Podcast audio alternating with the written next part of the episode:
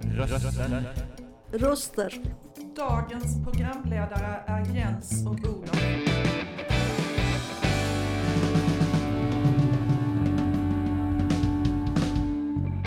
Dina röster i vardagen. Hej och hjärtligt välkomna till Hallå ja. dagens podd. Det är alltså, vi är alltså programledare idag. Det här var Olof och det är Olof som pratar nu och det här som ni precis hörde Jens. Jens som också är programledare. Ehm, och eh, ja, jag tänkte väl börja med en liten, liten tillbakablick från eh, barndomen när eh, vi, vi var fyra syskon och tre av oss var någorlunda jämngamla. Det var två år mellan oss. Jag hade en två år äldre bror och sen var det jag och sen var det min syster som var två år yngre. Eh, vi fick ju då eh, veckopeng på 20-30 kronor eller någonting som vi fick efter att vi hade, efter att vi hade städat våra, våra rum och våra områden, även, även områdena runt omkring allrum och sånt. Eh, och eh, då hade vi veckopeng i olika, i, efter, utifrån åldern, hur mycket och eh, men då, eh, så jag fick en så, så, så jag fick en högre summa när jag blev lika gammal som min bror och min syster fick en högre su, su, summa när hon var lika gammal som jag och så vidare. Men eh, då var det så min uh, syrra då, hon, eh, hon blev så irriterad i förhandlingen då när hon, då när hon skulle få veckopeng för att för att hon tyckte att hon fick för hög veckopeng eftersom det var högre än vad, än vad jag fick när jag var den, än vad jag och min bror fick när vi var i den åldern. Eh, och så, så, så hon vägrade ta emot, så hon tyckte det var orättvist att hon skulle, att hon skulle få högre än vad vi hade haft.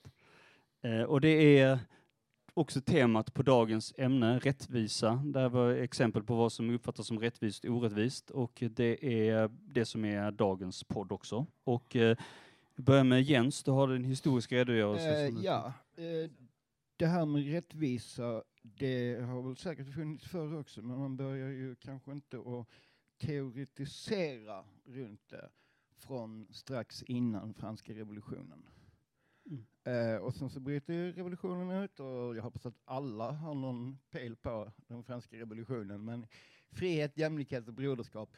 Och det byggde ju på ehm, dels upplysningsfilosoferna hade någon när Gud liksom försvann så börjar man då med människans värde och människans alla vär- lika värde och så. Jag säger började för det var ju inte i närheten av det idag. Men, Mm. ehm, och de, de stora orättvisorna i Frankrike mellan första och andra ståndet och tredje ståndet ledde så småningom till en revolution där man i slutändan choppade huvudet av kungen och drottningen.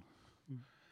Eh, jag tänkte vi får- men under, under denna tiden, apropå us, eh, orättvisa, Ja. så inträffade en revolution bland slavarna på Haiti. Det. Men det revolutionära Frankrike stred ju mot dessa, för jag menar frihet, jämlikhet och broderskap, det gällde ju inte de där svarta nere i Nej, typ nej. Karibien. Så Nej. att det är också ett perspektiv på det hela. Men jag skulle- tänker vi kör en låt först så fortsätter vi. Så.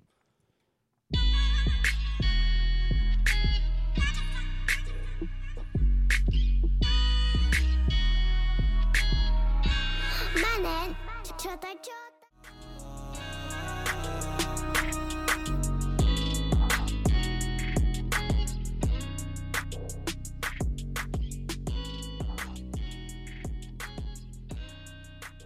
Du lyssnar på Fontänbubbel och det vi precis förhörde var Stainless med Showtie. Eh, ja, eh, du hade en eh, liten redogörelse där historisk, eh, redogörelse om franska revolutionen och när de idéerna först föddes och så. Jo. Eh, och eh, jag kan ju däremellan komma in eh, de rent liksom eh, filosofiska grejerna om, eh, vad, vad som finns, som vissa till exempel den brittiska moral och politiska filosofen Brian Barry, han har angett någonting som kallas kompensationsprincipen. Och, och det är eh, i förhållande på vad som är rättvist. Och det är att samhället bör motverka effekterna av god, eh, dålig lycka, alltså det vill säga tur eller otur. Eh, och eh, förutom det så kommer ju där med också därutöver principen om det personliga ansvaret. Och det, den sistnämnda principen föruts, förutsätter ju då förekomsten av rättigheter.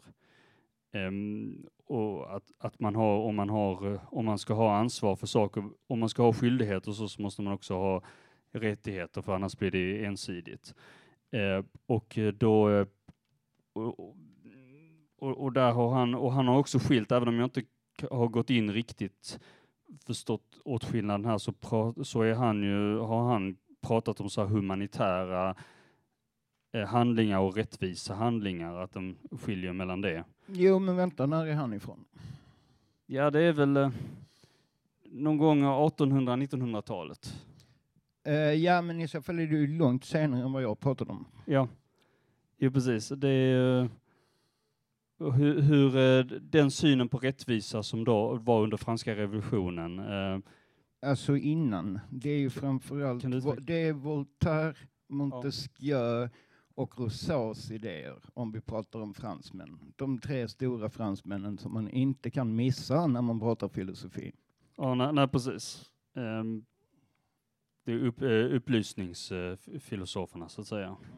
Voltaire som skrev en bok om uh, Candide, då som var optimismen, alltså att eh, vad, eh, vad, vad man gör som är eh, att handlingar leder ändå till det positiva, det var en satir om det här att handlingar ändå leder till det positiva. Det var någon sån här, den ödesmättade tron som han eh, så här ironiserade. Ja, eh, det finns ju en... Om jag ska ta i- filosofiska exempel så finns det ju mer, mer antika grejer som... Eh, om, vi tar här Ingrid som är medarbetare här på redaktionen som har skrivit någonting om Aristoteles som skilde mellan distributiv och retributiv rättvisa. Och distributiv rättvisa, det handlar om hur man ska fördela resurser och makt hur, hur kan man ha olika tankar om vad som är en rättvis fördelning? Som till exempel, all, ska alla ha lika mycket? Vilka tillgångar är det som ska delas ut och till vilka? Retributiv rättvisa handlar om hur man ska bemöta olika handlingar, till exempel genom straff. Ett annat område som börjat diskuteras på senare tid handlar om vad som räknas som viktig kunskap om världen, vilka, vilka människors berättelser kommer fram. Eh, och det, när det gäller franska revolutionen så var det väl, så har du själv varit inne på att att det var ganska få ur, det var, det var de som var revolutionärer som fick, de var ofta av högre medelklass, eller hur? Och, och de som fick, det är deras berättelser. Inte Som, bara, men om man kollar i ledarna, ja. det var till exempel, till exempel Robespierre då som, Advokat. som var advokat till och med. Men alltså om man kollar på hur verkligen det såg ut i Frankrike och hur Ja. orättvist det var. Mm. Så tycker inte jag det är så jävla konstigt att man choppade huvudet av en massa adelsmän som hade förtryckt den i generationer. Alltså det kan jag ha förståelse för. Tyvärr var det ju inte bara adelsmän utan det var ju alla politiska fiender till slut blev ju nackade av Robespierre. Ja. Och där, där är det en, eh, en aspekt som handlar om eh, när det gäller rättvisa dödsstraff, är det rättvist eller inte? Eh, Och jag menar att det är väl inte jag menar att jag har lite svårt att koppla det till rättvisa. Det säger ingenting om det är rätt och fel, men man kan ju till viss del argumentera att det är rättvist att någon som har gjort någonting också ska råka ut för samma sak själv. Eh, men hur är det, om vi tar eh, Robespierre, så har du berättat att han var egentligen emot Han var från början, eller kanske också senare, emot Mm. dödsstraff, men han var även pragmatiker. Men han argumenterade mot dödsstraff från början. Och det Mm. finns även uppgifter på, vill de ha fram, att han inte ville nacka Marie Antoinette, men blev tvingad att göra det på Mm. grund av de andra. Och här är det, det här är det här också när man pratar om retributiv eh, rättvisa, em, då som så att säga straff, att man ska, sonas, ska sona för det man har gjort. Jag tänker vi lägger, till en, vi lägger på en låt så återkommer vi.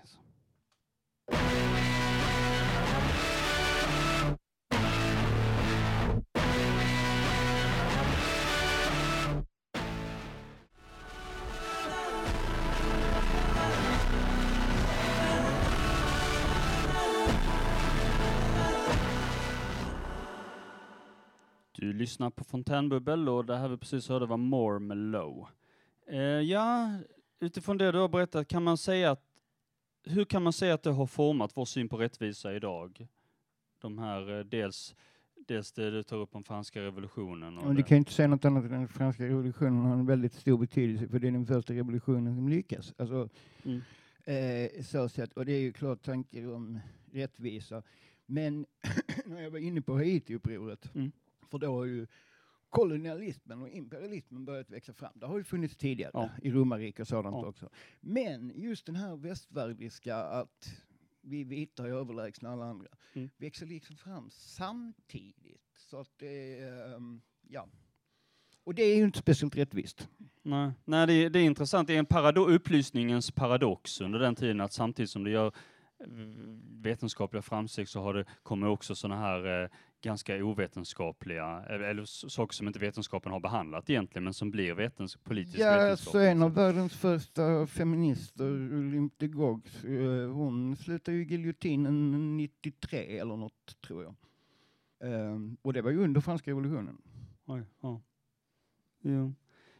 Ehm, för, och, jag, och jag tänker, det, det är ganska det här eh, distributiva rättvisa, om, om man ska ta moderna filosofer som till exempel Kant, eh, som Immanuel Kant, så menar han att man ska behandla människor som eh, medel, alltså inte människor som medel utan som mål i sig. Därför så är alla människor ansvariga för det, de- för det de har gjort så att säga. Och det, det är väl det som Aristoteles pratar om, eh, retri, det retributiva eh, rättvisan, så att säga. Jag vägrar diskutera Kant, Kant är tråkig.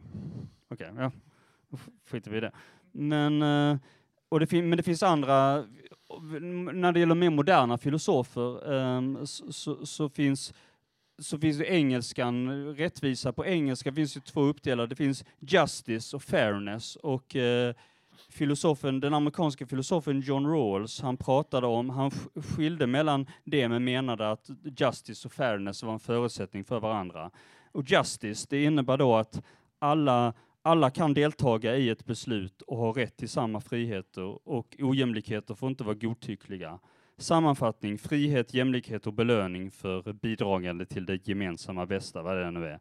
Men fairness, det handlar om, det här är mer officiellt, det där justice, alltså hur samhället är styrt, hur det är upplagt. Fairness betyder, innebär förhandling mellan alla som samarbetar.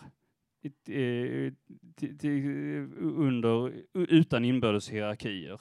Och det kan ju vara eh, organisationer, ideella föreningar eller vad som helst. Och, och, och, och det är att man gör, man har min fair play, man har utfört sin del, att jag har tagit mitt ansvar för det här och då får du, då har du ansvar för det här. Eh, men det John Rawls menar att justice, det är i första hand, det är, det är en förutsättning för att fairness ska kunna vara möjligt så att säga. Eh, ja, jag tänker, har du något mer att säga eller ska vi lägga till ytterligare, på ytterligare en låt? Ja, vi kan spela en låt. kör vi nu. Oh, mama, mama, look there. Your children are playing in the street again. Don't you know what happened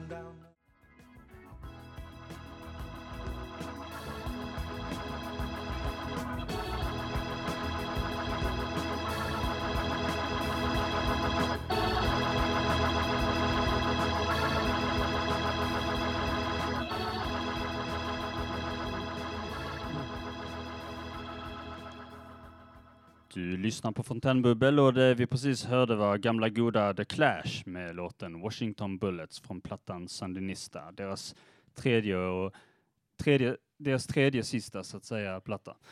Eh, ja, då eh, har vi kommit till punkten nu när vi börjar bjuda, bjuda upp folk här och då har vi, välkomnar vi Roger. Tack så mycket Olof. Och Vad har du på hjärtat? Jo, eh, det jag tänkte ställa en ganska elaborerad fråga till eh, Jens här. Och det är det här med, eh, eh, alltså det, det, det finns ju en berömd målning från franska revolutionen med en kvinna som leder ett revolutionärt... Eh, Den är ju från betydligt långt efter revolutionen. den är, det är en tillrättaläggning. Nej, nej. Ja, nej, tillrättaläggning, tillrättaläggning. Det är en senare nationalromantisk målning. Ja, Om du ja, tänker på när Marianne står på barrikaden och det står en borgare och en bonde. Jo, men ja, det är så här att jag har ju hört att eh, den franska revolutionen startade på ett sätt som skulle inkludera kvinnor, men försvann och det blev mer av ett auktoritärt ledande, ledarskap, s- ledd av män då som allt, det var, tog ju väldigt lång tid den här revolutionen. Och det var, den slutade ju inte förrän Napoleon Bonaparte dog egentligen väl, eller hur är det? De räknar, man räknar väl att den slutade när man upprättar eh, alltså kejsardömet. Så när han blir kejsare. Eller blir och blir, han utropar sig själv till kejsare. Okej, men det, då, då är det väl, är det inte så då att eh, de försvann i skuggorna, de här kvinnorna som, som var med i början av revolutionen? Ja, jag sa ju att hon, eh, Olympe de Gaulle, som skrev en deklaration om kvinnors rättigheter, hon slutade i giljotinen, jag tror det var 93, alternativt 94. Det finns ju vissa, och man kan säga filosofer som till exempel den, den eh, kvinnliga filosofen Eh, Mary Wollstonecraft som menade att hon tyckte att franska revolutionen hade en del, eh, det fanns, den var inte riktigt, det var inte riktigt genomtänkt eh, st st strategiskt och det var det som hon menade som ledde till att kvinnor inte, att de inte hade någon allsidig syn på som, och, och, på hur hur allting skulle, och det, det, och det var det som bidrog till att kvinnor hamnade utanför ganska snabbt. Alltså att de inte hade några, några gemensamma mål, liksom helt alla som var med på det. Du menar allihopa som var involverade i hela Ja, de som var revolutionen? inv- involverade i franska revolutionen. Ja. Ja, alltså, jag, jag vet inte, men det är detsamma historia som går genom eh, hela historien. Liksom. Mm. Kvinnorna marginaliseras lätt. Ja. Och det, det är ju inte bra, speciellt inte under en revolution, för då får man, slutar man ju på samma sätt som man började, om man säger Mm. så. Ja. Och det gjorde de ju också, kan man säga. Napoleon Bonaparte var ju inte precis någon silkesvante-kille. Nej. Och sen så vill jag säga en sak. Jag har ju läst den här Candide av Voltaire. Då. Ja. Och jag tycker att det, det, det är en jäkla tråkig bok. Alltså den ska vara, den ska vara rolig, men den är förbannat tråkig. Jag, jag skrattar inte en enda gång. Är det inte, fast har inte det lite grann med alltså vad, vad, vad vi uppfattar i vår, ti, i vår tid kanske den uppfattas som lite tillrättalagd. Den kanske, upp, kanske på originalspråket på den tiden kanske det var, kanske den framstod som lite vassare. Ja men Eh. allvarligt talat, det var för fucking 1700-talet. Det Ja, var jo, väl precis. ingen jävel som var rolig på den tiden, eller? Mm.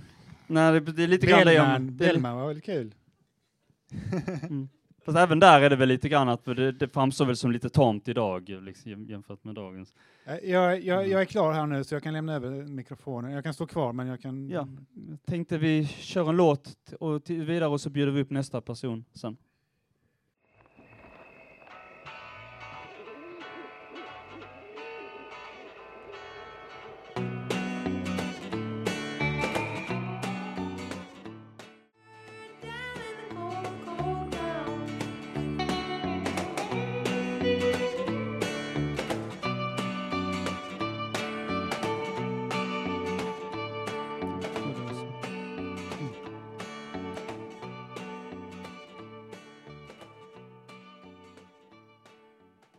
lyssnar på Fontänbubbel och det här vi precis hörde var Rosie Tucker med låten Six Foot Under. Handlar om någon person som är död gissar jag.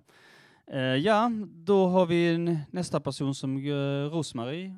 Ehm, har du några tankar kring ämnet? Ja, jag har fått lite tankar och eh, jag, jag blir personlig precis som jag alltid brukar. Jo, det är så, jag har, först vill jag säga att jag har bra kontakt med mamma så det är liksom inte så. Detta gällde, som jag kände innan, att eh, min eh, storebror var favorit. Men jag och min lillebror har inte varit favorit och det tycker jag är orättvist. För jag tycker man ska bry sig om alla barn lika mycket och vara rättvis till alla sina barn. Det handlar inte bara om att du tycker att det är orättvist, det är orättvist. Ja, jo, det håller jag med dig om. Absolut, så är det. Så menar jag. Och jag, jag, jag funderar lite grann på det själv, vad som är rättvist. Eh, man säger att om, om man är förälder så ger man alla sina barn lika mycket kärlek. Jag undrar om det går att göra, om det går att vara helt objektiv, att tycka lika bra att ge rättvist mycket kärlek till alla. Jag undrar om det går. Alltså jag tror att det, det spelar nog in alltså dels hur, eh, liksom, hur, eh, vad man, tyck, vad man tycker om hur, hur barnen uppför sig, så att säga har väl dels, men det kan väl också vara, det kan väl också ha det, det, de, de mentala, liksom att man kan få ha mer överseende med de med personer som, uh, som är lite, som har lite, som är lite, lo, lo, lo, som är mindre begåvade liksom så att säga. Man har kanske mer överseende med visst beteende då, men det är bara, alltså jag bara spekulerar själv. Eh, liksom vad jag själv eh, kanske, liksom hur, hur vissa barn men, men däremot så finns det helt klart också föräldrar som är, som av någon anledning fått för sig säkert att eh, de ska favorisera vissa barn utan att det egentligen finns någon förklaring för det. Nej, men jag tycker inte man ska favorisera. Nej. Utan man ska liksom, man ska, jag vet inte hur jag ska förklara, men man ska, man, jag vet inte. Ja, jag lägger ner. Okej, nej men det, allting, är, allting är viktigt och ska man, allting, sånt här kan man ju alltid behöva lufta så att säga. Ja. Det finns, Jo men det är lite så, vad är rättvisa? Är världen rättvis? Svaret är nej. Nej. Svarar du ja på den frågan så bör du läsa på och titta dig runt omkring. Liksom. För att det är inte speciellt rättvist att någon ska sitta och äga mer än vad fan ett land i tredje världen har i BNP. Det finns ingen rättvisa i det. Och Framförallt- säg, säger man det, då har man problem. framförallt, framförallt så finns det ingen rättvisa med tanke på de som, dö, de som drabbas av cancer och dö- dör i cancer varje år utan att det finns någon, de hade kunnat ha hela livet framför sig och råkar ut för det och de som Nej, dör men i andra. evolutionen är inte heller rättvis, men det är inte Nej. meningen att den ska vara det. Det är två skilda grejer, evolutionen och samhället. Ja. Jo men evolutionen är på något sätt ännu mer, alltså de- den är ju verkligen, den är verkligen extremt orättvis tänker jag. Eh, Vi har upp ytterligare en gäst. eh, Har du några tankar kring ämnet? Jag funderar över vad rättvisa faktiskt är. Är det när alla behandlas exakt likadant? Och ska man, och eller är rättvisa när man tar hänsyn till folks olika förutsättningar? Jag tror nog att det finns både och, om jag ska vara, om jag ska vara personlig.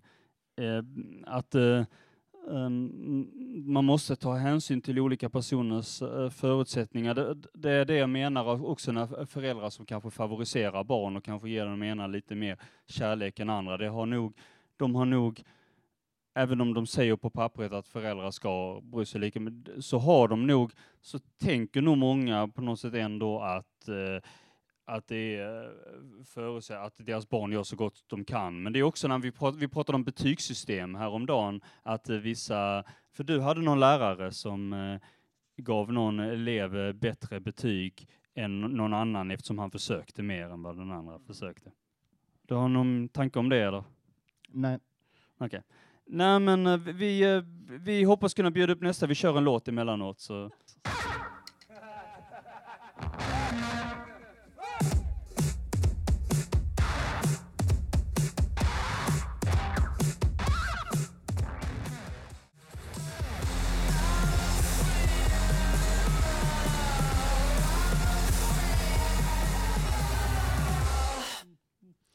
Eh, ja, vi har en ny gäst. Välkommen upp. Tack, tack så mycket. Jo, jag tänkte på det här med rättvisa och orättvisa inom idrottens värld. Det är rätt intressant. Det var en fotbollsmatch för ungefär tio år sedan mellan Sverige och Danmark. Och eh, så rusade ut två stycken supportrar, danska supportrar, på planen och bara tjafsade med domaren och så här. Jag vet inte om de puttade på dem lite grann. Och då bestämde sig domarna för att bryta matchen lite temporärt, ha en överläggning. Och sen slutade det med att Sverige vann matchen med 3-0. Och det tycker jag säger ganska mycket om ja, men rättvisa. liksom. Alltså är det rättvist om någon hittar på något dumt så får massa andra lida för det. Eh, det, det är möjligt kanske att det bara är så inom fotbollens värld för att det där ser man lite annorlunda på vem det egentligen som skapar fotboll. Det är inte bara spelarna som, eh, som skapar liksom laget utan det är supportrarna lika mycket som hjälper till och det finns en annan gemenskap där som inte finns på, på andra ställen. Uh, ja, det var det jag. Ja, det, det är intressant, för jag, jag tänker lite grann det du säger om sportsammanhang, för även i, inom musikindustrin så finns det vissa sådana här som, som är, det är svårt att se rättvisan i det lite grann. När, det, det finns ju någonting när man har, eh, när de ska stänga ner, när de utse syndabockar, någon som har twittrat någonting för 20 år sedan, något skämt, och så ska de stänga ner och banna så att eh, vi ska inte spela den här artisten. Men, men ändå band och artister som har utsatts, som har varit ut, utsatts, eh, utsatt andra för sexuella övergrepp och, eh, och, och, och liknande och, eh, och misshandel till döds och så, de kan hålla, de får hållas av. Eh, alltså det där är på, men jag skulle säga till då, eh, gästen som var här uppe. Eh, ja, men alltså det är praktisk, det är praxis, inte praktisk, det är praxis inom fotbollen att om motstånd, eller om det ena lagets supportrar fuckar upp så att matchen inte kan spelas så blir det 3-0 till det laget vars supportrar inte gjorde det. Eh, och ja, det kan man ju fråga om det är rättvist eller orättvist. Eh, ja, jag vet inte själv. Jag har inget... Nej, jag kan ingenting om sport så jag lämnar det Du vet? Okej, eh, Göran han vet. Ja. Han har svaret på det. Jag var på den matchen i Köpenhamn. Och eh, det var inte två supportrar utan det var var en dansk supporter. Och eh, Sverige ledde med 3-0 och Danmark eh, hämtade upp till 3-3. Och eh, fick en straff. Och då springer den här dansken in och slår eh, domaren i magen. Och enligt Fifas, Uefas och Fifas regler så svarar eh, land, eh, landets fotbollförbund där matchen går i för säkerheten. Och, och straffet eh, blev då av matchen avbröts och Sverige tilldöm, tilldömdes eh, segern med, med 3-0. Med- he- Helt, eh, helt riktigt alltså, enligt reglerna. Ja, ja, enligt reglerna är det Ja. helt riktigt. Och när, jag, när jag är nu här så eh, skulle jag vilja bemöta Rogers inlägg eh, lite grann om, om kvinnor. Det är ju så att kvinnorollen har ju varit underordnad i hela historien. Och eh, kvinnorna har väl aldrig haft det så bra som nu i Västeuropa. Även om det inte är bra än så har vi kommit väldigt långt i Västeuropa säger jag igen. För att eh, de var med i, i franska revolutionen som startade på en massa värdshus i, i eh, vad heter det? Paris. Ja, i Paris eh, eh, slumdelar. Ja. Och eh, där var al alko eh, kvinnor som var alkoholister och var prostituerade. Så det var en riktig gräsrot eh. Alltså det var ett helt kvinnotåg ut till Versailles efter revolutionen när fortfarande kungen och drottningen levde för att klaga på att det inte var något bröd. Ja. Jag, jag, skulle, Enbart jag, kvinnor. jag skulle fortsätta fram. Eh, eh, om vi tar eh, Belfast i eh, inbördeskriget mellan eh, britterna och eh, nord, eh, nord- de nordiga irländska katolik, katolikerna så var ju inte kvinnorna ute och bomba. Men om någon katolik som var jagad klarade sig till rätt sida av Shankill Road så... eh, Ja, över till Fals menar du? Ja, så, så, eh, så hittade inte polisen dem för att kvinnorna öppnade köksdörrarna och så kunde man springa rakt genom huset in till en annan kvinna. Så, så att de har, de har hela tiden varit med men inte haft några ledande roller. De enda som genom historien har kunnat komma till tal som kvinnor, det är drottningar. Ja, men bilden, alltså det är inte riktigt sant heller, för det finns ju en jätteberömd bild i Belfast, eh, eller om det är Derry, en, eh, en eh, tjej i läderjacka och klänning med en AK som skjuter mot brittiska militären. Och bakom det är ju att hennes kille hade ju precis blivit skjuten, men han var skadad, så då tog hon upp geväret och fortsatte. Jag, eh, jag vill eh, hålla med dig om i västvärlden idag att kvinnor har det bra. Men, eh, och det här gäller Belfast och det här och Nordirland.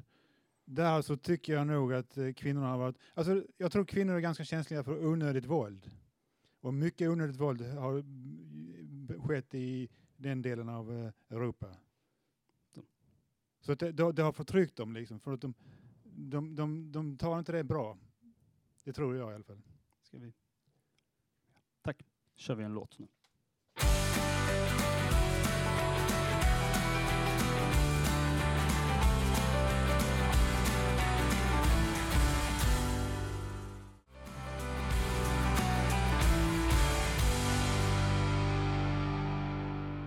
Du lyssnar på Fontänbubbel och det vi precis hörde var A Perfect Government med Frank Turner. Eh, en låt om eh, rättvisa, politisk rättvisa och korruption i USA. Eh, vi har en ny gäst här. Magdalena, har du några tankar? Jag vill spinna vidare på det som Malou pratade om med att det är rättvisa när man behandlar människor enligt deras olika olikheter. Och detta är någonting som jag tycker att man faktiskt för det mesta, inte alltid, men för det mesta gör på, på vårt fontänhus, på Lunds fontänhus. För att här blir vi behandlade efter våra eh, olikheter och det jag tycker att det är rättvist. Tack. Tack själv. Ehm, Det var jättebra. Eh, Roger, du hade några mer synpunkter som du ville... Ja, eh, alltså jag tänkte på det med rättvisa också. Det var väl i princip som eh, både Malou och Magdalena tog upp. Och det är att eh, till, om man till exempel har eh, en tävling mellan en, en, en superatlet som hoppar 7,40 i längd Ja. och en rullstolsbunden kille som inte kan hoppa mer än en centimeter. Ja. Då, är ju inte, då har man ju inte lika förutsättningar. Nej. Och är det då rättvist om man sätter de två i en tävling mot varandra? Det är det ju inte. Det är det verkligen inte, nej. Nej. Så att eh, det finns... Men det är ju därför man har handikapp i golf till exempel. Jo, För jo. att en dålig spelare ska kunna möta dem bättre. Jo, jo visst, visst, visst. Men om man ska se det så, så, så är det ju de som trä, tävlar i golf, eh, de här eh, mästarna då, de är ju oftast eh, handikapp 1 eller 0 eller så här. sånt där. De har väl ingen handikapp? De är väl plus eh, eller Mm, mm. minus eller vad det heter. En sak som jag tänkte innan vi bjuder in nästa res, eh, så tänkte jag på det här med som Göran pratade om, eh, kvinnorollen, alltså vilken status kvinnor har. Alltså det, det är väl klart, alltså alla har, genom historien så har det ju alltid varit, har det alltid varit svårt för kvinnorna att föra sin talan. Däremot så kan man säga att de var mer inkluderade på något sätt innan, under jordbrukssamhället, än, än vad de var under 1800, när 1800-talets borgarklass växte Eh, till. var han- du där? Kan du veta det? Sprang du runt i där faktiskt? Är du arkeolog och har grävt ut det? Alltså du har ingen som helst backup för det påståendet Nej men de var ute och hjälpte till i ledsen, jord, jordbruk, ingen- och de var ute och hjälpte till mer i jordbruk och sånt, och, det, och, det, och de, de hamnade mer i hu, hemmet sen under 1800-talet. Så på det sättet så var de ju mer på något sätt inkluderade i samhället. Alltså du pratar om arbetarklassen, eh, förlåt, du pratar om överklassen som hamnade i hemmet för de flesta fick faktiskt arbeta, de som tillhörde de lägre klasserna fick, De fick arbeta, arbeta också, ja. vidare liksom. Ja, jo men jag, Jag tänker... rör mig inte i de posh så jag kan inte den historien så väl, mer än att jag vet att den är fel. Okej, ehm, det finns säkert all möjlighet att återkomma till det, men vi har en ny gäst. Så, här, så, så, så, så, vi välkomnar Malou. Du, Ja, mer att säga? Jo, jag tänkte bara säga att jag tror att vi i Sverige har en helt annan syn på rättvisa idag mot vad vi hade för 200-300 år sedan. Då såg man livet och döden som en helhet. Det gör vi inte idag. Det som blivit fel i livet menar man då kunde rättas till efter döden. Och att den som levt ett gud, gudfruktigt liv kunde komma till himmelen även om man varit fattig och sjuk. Och den som uppfört sig illa och inte fått syndernas förlåtelse kunde hamna i helvetet. Ja, så det bevisar ju bara att det största, ett av de största hoten mot social rättvisa är ju i så fall Gud. Mm. Det kan man kanske Nej, säga. det, det, det, det, alltså det, det, det, det nu, har- nu hårdrar du det ganska mycket va? Ja. Men jag tänker vi kör en låt så kommer vi vidare på det spåret. Så. Being back here makes me hot in the face. Hot blood in my pulsing veins. Heavy memories weighing on my brain.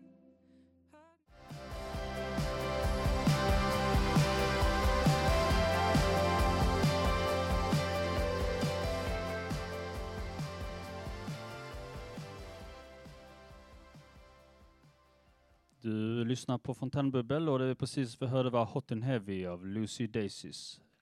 Och nu kommer Peter och vill säga något. Ja, den stora Peter. Ja, Sankt Petrus. eh, jag tänkte så här att eh, i ett samhälle så kommer det alltid att finnas orättvisor. Men vad man eh, måste göra då är att man alltid jobbar för att det ska bli mer rättvist. Ja.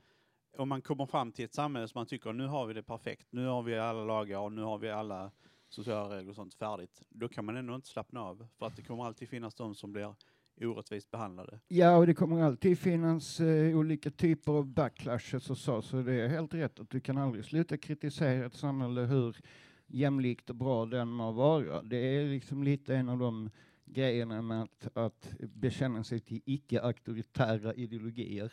Men, eh, men nej, du har rätt, absolut, du har rätt. Sen tänkte jag också så att eh, om man blir utsatt för orättvisor så även för sin egen skull så måste man ha förmågan att förlåta. Men det är klart, upprättelse behöver man ju. Tänkte jag då att man, man ska ju inte bita i det sura äpplet och bara eh, gå vidare under orättvisa utan det är klart att man måste ju säga om man blir orättvist behandlad men när man har fått upprättelse så måste man också kunna förlåta. Tror jag. Ja, alltså jag kan tyvärr inte förlåta fascister om de inte är döda. Jag tänker, på- om jag får komma in där, så det är intressant att vi kommer in på de aspekterna för, eh, för, för det finns ju, som eh, John Rawls, som jag nämnde nyss, han har en teori om rättvisa som bygger på eh, okunnighetens slöja, att alla människor tänker sig, vad skulle vi, att vi bedömer vad som är rättvisa, att vi, utifrån att vi tänker att vi vet inte vilken position vi skulle hamna i samhället. Och eh, då tänker vi att vad skulle, hur skulle vi bli organiserade? Givet att jag skulle bli en A-lagare på gatan eller att jag skulle vilja bli en direktör eller att jag skulle vilja bli en småhandlare eller jag skulle vilja bli musiker eller vad som helst. Man tänker sig in i, man vet inte på förhand så, så man, man, man, man, man tänker givet att jag hamnar i den situationen så skulle jag önska det här och, och, och, och det är ett sätt att sammanjämka att, att ha, att han menar att i så fall så ska man hitta en modell som gör att alla de blir nöjda på något sätt. Det, det är en väldigt teoretisk, jag vet inte om det nö- överhuvudtaget går att uppnå en sån, men det är ändå ett tankeexperiment. Ja, men alltså ingen vill bli alkis på gatan, så enkelt är det liksom. Det är... Nej, men man, om man skulle hamna där, att man tänker hur man, hur man skulle bli, så att säga, vad, hur, hur, hur livet, om jag skulle riskera att hamna, nu var det kanske ett dåligt exempel. Jag eftersom- vet, jag har varit alkis på gatan i Barcelona i ett halvår, så att jag har full koll på hur det går till. Eftersom alkis, alk, jag menar just alkis på gatan blir man ju att någonting har gått jävligt fel i ens liv och det är inte meningen att det ska gå så fel överhuvudtaget kanske, så det var kanske ett dåligt exempel, men liksom, ja, det var någonting att säga. Alltså, du kan inte låta bli att eh, höra vad eh, Jens han sa här, att man kan inte förlåta en fascist om man inte är död. Och eh, jag tycker att man kan förlåta en fascist, både under tiden som han är det, men även om man skulle ändra sig och bli till det bättre så kan man väl förlåta honom. Ja, men tänker man så så slutar man i gaskammaren, så tyvärr. Jag tror inte riktigt på det faktiskt. Nej, jag tror inte alltid man hamnar, man står inte alltid inför de här extrema situationerna. Som det som den här eh, utilitaristiska teorin som handlar om hur man maximerar lycka, den ställer också sådana här hypotetiska exempel. Hmm, hur skulle du rädda om du hade välja mellan eh, ett barn och drunkna eller tio, eller tio fascister? Vem skulle du välja då? Liksom? Det, det är väl klart att du skulle välja ett barn som höll på att drunkna då. Men det, det känns som så hypotetiska, ja, det känns som så hypotetiska scenarier som inte nästan inte inträffar. Det beror helt på, för att om det barnet var Hitler så blir ju den en helt annan grej. Alltså, Okej, nu har vi inte uppfunnit tidsresande nej, ännu. nej, men så- då har du en helt annan, eh, då har du en helt annan grej liksom att ta hänsyn till. Ja. Vi, ja, det, vi kan nog börja summera nu. Vi har inte så lång tid kvar, så vi, vi tackar alla gäster som har varit med. Och, Eh, Ja, och går vidare med en låt. Och eftersom att detta är en jullåt så ska jag springa härifrån fort som fan. Tack för idag!